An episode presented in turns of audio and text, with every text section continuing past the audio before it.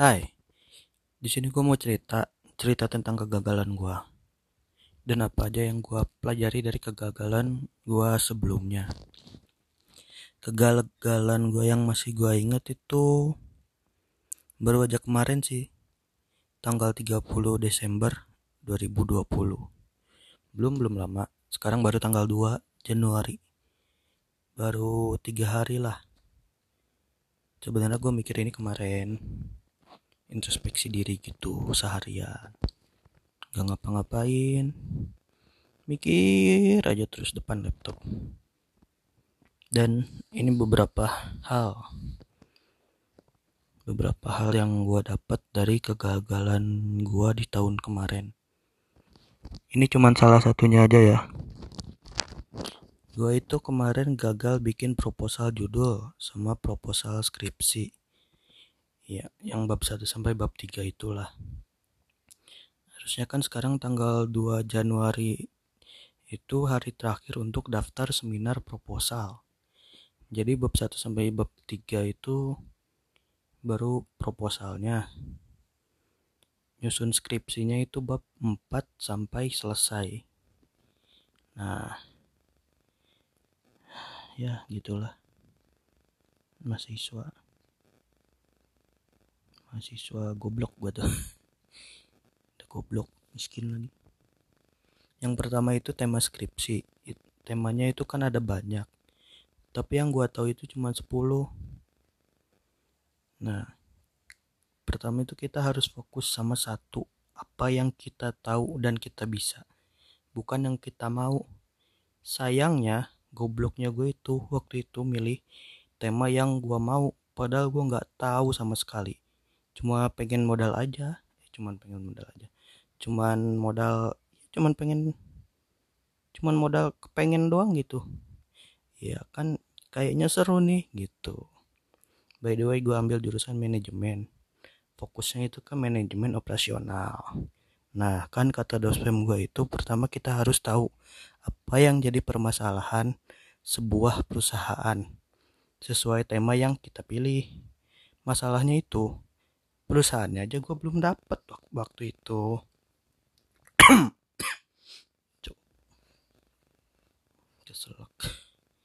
Bingung gue kan ya disuruh milih tema dulu baru nyari perusahaan.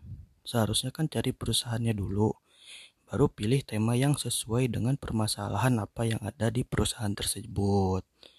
Sesuai jurusan juga. Ada lagi nih masalah baru masalah-masalah baru masalah terus tiap hari. Perusahaan itu kan gak mungkin gampang ya untuk ngasih data apalagi membocorkan permasalahan di perusahaan itu karena kan yang namanya kesalahan kegagalan di sebuah perusahaan itu kan sifatnya rahasia ya biasanya. Nah udah gua tuh uh, ber, beribu-ribu kali gua diusir. Padahal baru nyampe pos satpam padahal baru mau basa-basi doang gitu sama satpamnya baru mau nanya apa apalah gitu. Nah jangan lupa juga baca pedoman skripsi. Biasanya kan di kampus itu ada. Begonya gue tuh gue nggak baca kemarin. Sedikit pun gak gue baca. Ya, karena emang belum tuntas juga pedoman skripsi tahun 2020 nya tapi yang pedoman skripsi tahun 2019 ada ya, tapi kan beda. Jadi gue males lah bacanya. Kalau sekarang udah ada.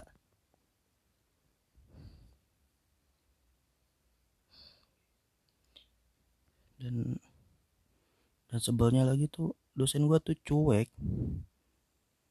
Gak ngasih tahu gitu. Kalau ada buku pedomannya gue baru tahu tuh pas ada seminar proposal jadi gue kan ikut seminar proposal tuh. Yang angkatan sebelumnya. Kan masih nyisa nyisa tuh. Nah. Terus gue juga terlalu lama nyari perusahaannya. Karena emang susah bro. Nah selain itu gue punya sedikit saran nih. Ini dari pengalaman gue pribadi yang pertama tuh step pertama tuh kita harus nyari perusahaannya dulu biar lebih mudah. Lu harus punya orang dalam nah tapi kalau lu nggak punya orang dalam kayak gua cari perusahaan yang lu suka.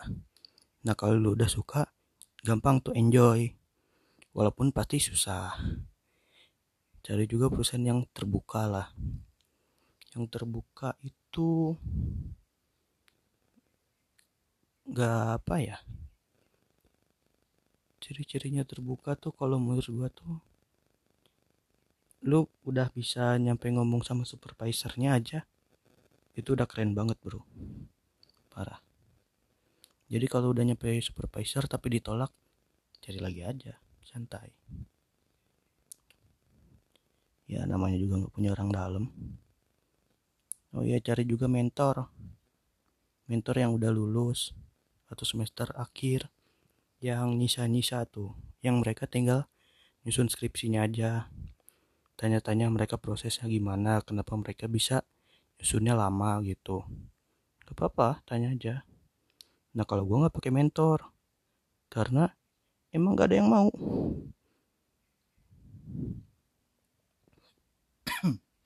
Ya emang gak ada yang mau mentorin gue ya gimana lagi bikin aja gue sendiri. Biarpun lama.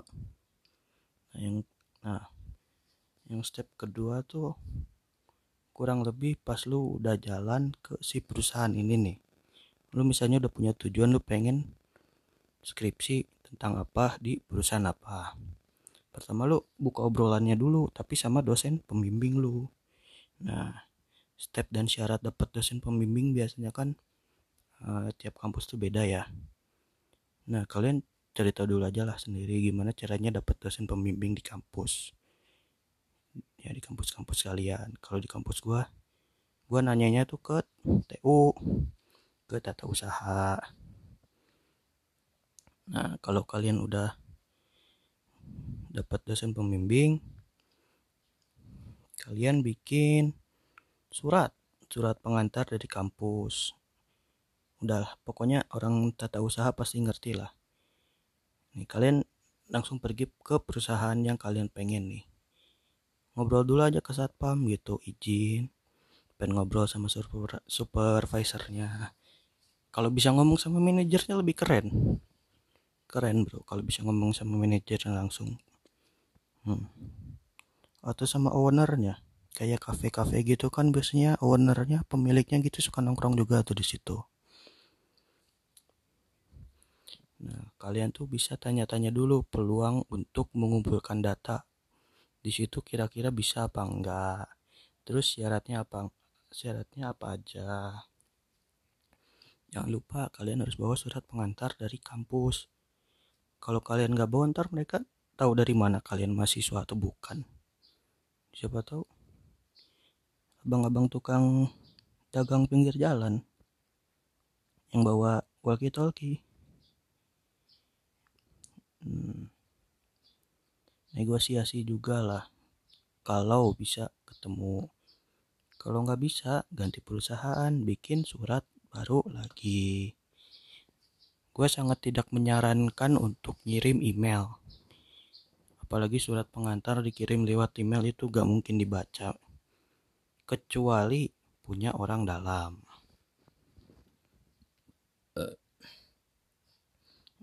Negosiasinya apa aja tuh? Kalau gua sih kemarin,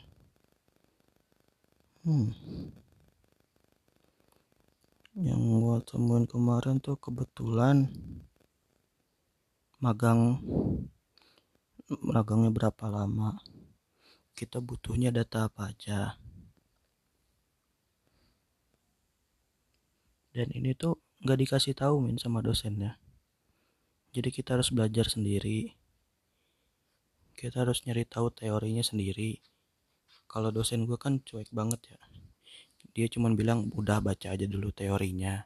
Tapi dia sendiri nggak pernah ngejelasin teorinya apa. Nggak pernah ngasih tahu teorinya apa aja. Jadi itu gue bener-bener nyari sendiri bukunya nyari sendiri materinya.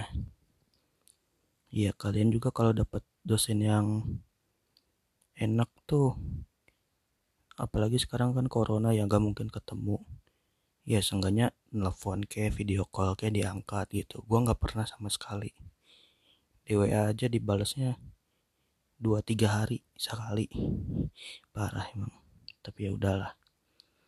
Kalian juga kalau lagi negosiasi sama pihak perusahaan tuh kalian bisa tanyain hmm, oh ya kalian butuh kuesioner atau enggak kalau kalian butuhnya buat kuesioner kalian bilang juga. Soalnya kan kuesioner itu kadang ngeganggu orang ya. Apalagi kalau kalian ke kafe-kafe gitu. Nyebar-nyebar kuesioner orang lagi makan lagi minum disuruh ngisi kuesioner. Gue sih males ngisinya.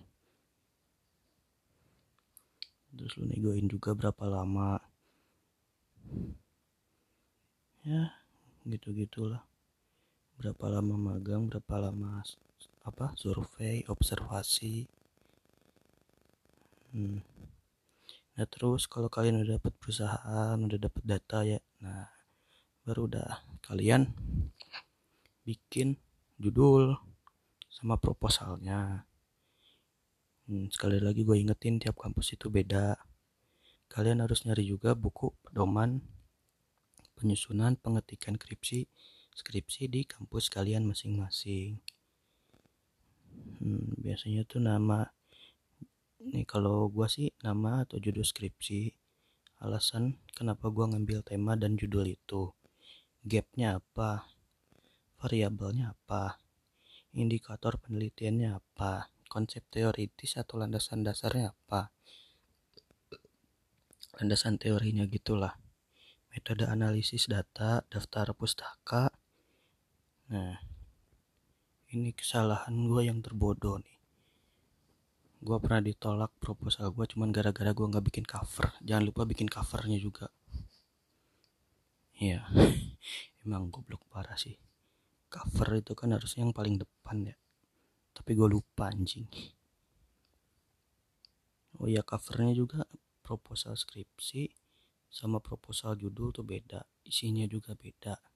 Cara penulisannya juga beda kalau di gua kalau di kalian ya kalian harus nyari bukunya juga. Buku pedoman. Itu aja kayaknya ya. Itu dari ya itu semua dari pengalaman yang udah gue jalanin sendiri. Masih hangat baru dua hari kemarin kan ya. Tapi gue punya keberhasilan di akhir tahun kemarin. Gue berhasil masuk magang. Dan sekarang masih berlanjut. Itulah kenapa gue bisa bikin cerita ini. Oke makasih yang udah dengerin. Bye